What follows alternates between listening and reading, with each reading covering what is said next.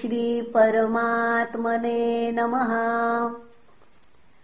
श्रीमद्भागवते महापुराणे पारमहंस्यां संहितायाम् दशमस्कन्धे पूर्वार्धे चतुस्त्रिंशोऽध्यायः। श्रीशुक उवाच एकदा देवयात्रायाम् गोपाला जातकौतुकाः अनोभिरननुद्युद्युक्तैः प्रययुस्तेऽम्बिकावनम् तत्र स्नात्वा सरस्वत्याम् देवम् पशुपतिम् विभुम् आनर्चुरहर पुनः आनर्चुर्हर्णे भक्त्या। पुनः आनर्चुर्रर्हणैर्भक्त्या देवीम् च नृपतेऽम्बिकाम् गावो हिरण्यम् वासांसि मधुमध्वन्नमादृताः। ब्राह्मणेभ्यो ददुः सर्वे देवो नः प्रीयतामिति। ऊषुः सरस्वतीतीरे जलम् प्राश्य धृतव्रताः रजनीम् ताम् महाभागाम् नन्दसुनन्दकादयः। कश्चिन्महानहिस्तस्मिन् विपिनेति बुभुक्षितः। यदृच्छया गतो नन्दम् शयानमुरगोग्रसीत स चुक्रोशाहिनाग्रस्त कृष्ण कृष्ण महानयम् सर्पो माम् ग्रसते तात। प्रपन्नम् परिमोचय। तस्य चाक्रन्दितम् श्रुत्वा गोपालाः सहसोत्थिताः। ग्रस्तम् च दृष्ट्वा विभ्रान्ताः सर्पम् विव्यधुरुल्मुकैः अलातैर्दैहमानोऽपि नामुञ्चत्तमुरङ्गमहा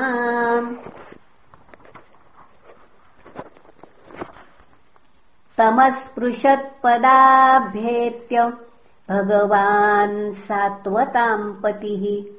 स वै भगवतः श्रीमत् पादस्पर्शहता शुभः पुनः स वै भगवतः श्रीमत्पादस्पर्शहता शुभः भेजे सर्पवपुर्हित्वा रूपम् विद्याधरार्चितम्। तमपृच्छदृशीकेश प्रणतम् समुपस्थितम्। दीप्यमानेन वपुषा पुरुषम् हेममालिनम् को भवान् परया लक्ष्म्या? रोचतेऽद्भुतदर्शनः कथम् जुगुप्सितामेताम् गतिम् वा प्रापितो उवाच। अहम् विद्याधरः कश्चित् सुदर्शन इति श्रुतः। श्रिया स्वरूपसम्पत्त्या विमानेनाचरम् दिशः। ऋषीन्विरूपानङ्गिरसः प्राहसंरूपदर्शितः तैरिमाम् प्रापितो योनिम् प्रलब्धैस्वेन पाम्पनाम् शापो मेऽनुग्रहायैव कृतस्तैः करुणात्मभिः। यदहम् लोकगुरुणा पदास्पृष्टो हता शुभः। त्वम् त्वाहम् पुनः तम् त्वाहम् भवभीतानाम् प्रपन्नानाम् भयापहम् आपृच्छे शापनिर्मुक्तः पादस्पर्शादमीवहन्। प्रपन्नोऽस्मि महायोगिन् महापुरुषसत्पते अनुजानीहि माम् देव सर्वलोकेश्वरेश्वर। ब्रह्मदण्डाद्विमुक्तोऽहम् सद्यस्तेच्युतदर्शनात् यन्नाम गृह्णन्नखिलान् श्रोतृनात्मानमेव च। सद्यः पुनाति किम् भूयस्तस्य स्पृष्टः पदायिते इत्यनुज्ञाप्य दाशार्हम् परिक्रम्याभिवन्द्य च सुदर्शनो दिवम् यात कृच्छ्रान्नन्दश्च मोचितः। निशाम्य कृष्णस्य तदात्मवैभवम् व्रजौकसो विस्मितचेतसस्ततः समाप्य तस्मिन् नियमम् पुनर्व्रजम् नृपाययुस्तत् कथयन्त आदृताः। कदाचिदथ गोविन्दो रामश्चाद्भुतविक्रमः। विजह्यतुर्वने रात्र्याम् मध्यगौ व्रजयोषिताम् उपगीयमानौ ललितम् स्त्रीजनैर्बद्धसौहृदैः स्वलङ्कृतानुलिप्ताङ्गौ स्रग्विणौ विरजोऽम्बरौ निशामुखम् मानयन्ता उदितोडुपतारकम्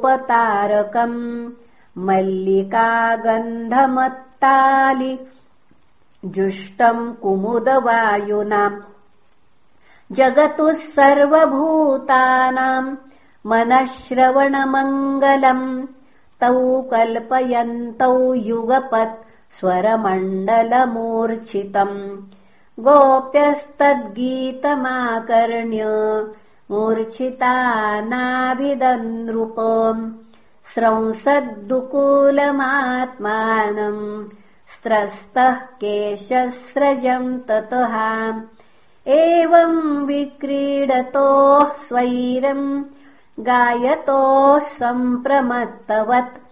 शङ्खचूड इति ख्यातो धनदानुचरोऽभ्यगात्।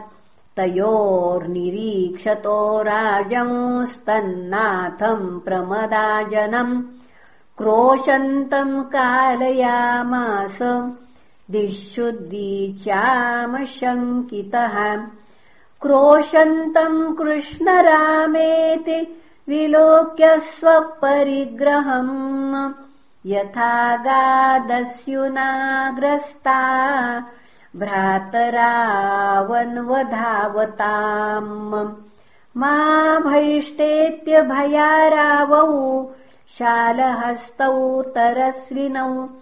आसेदतुस्तम् तरसा त्वरितम् गुह्यकाधमम् सवीक्षतावनुप्राप्तौ कालमृत्यु इवोद्विजन् विसृज्य स्त्रीजनम् मूढ प्राद्रवज्जीवितेच्छयाम्।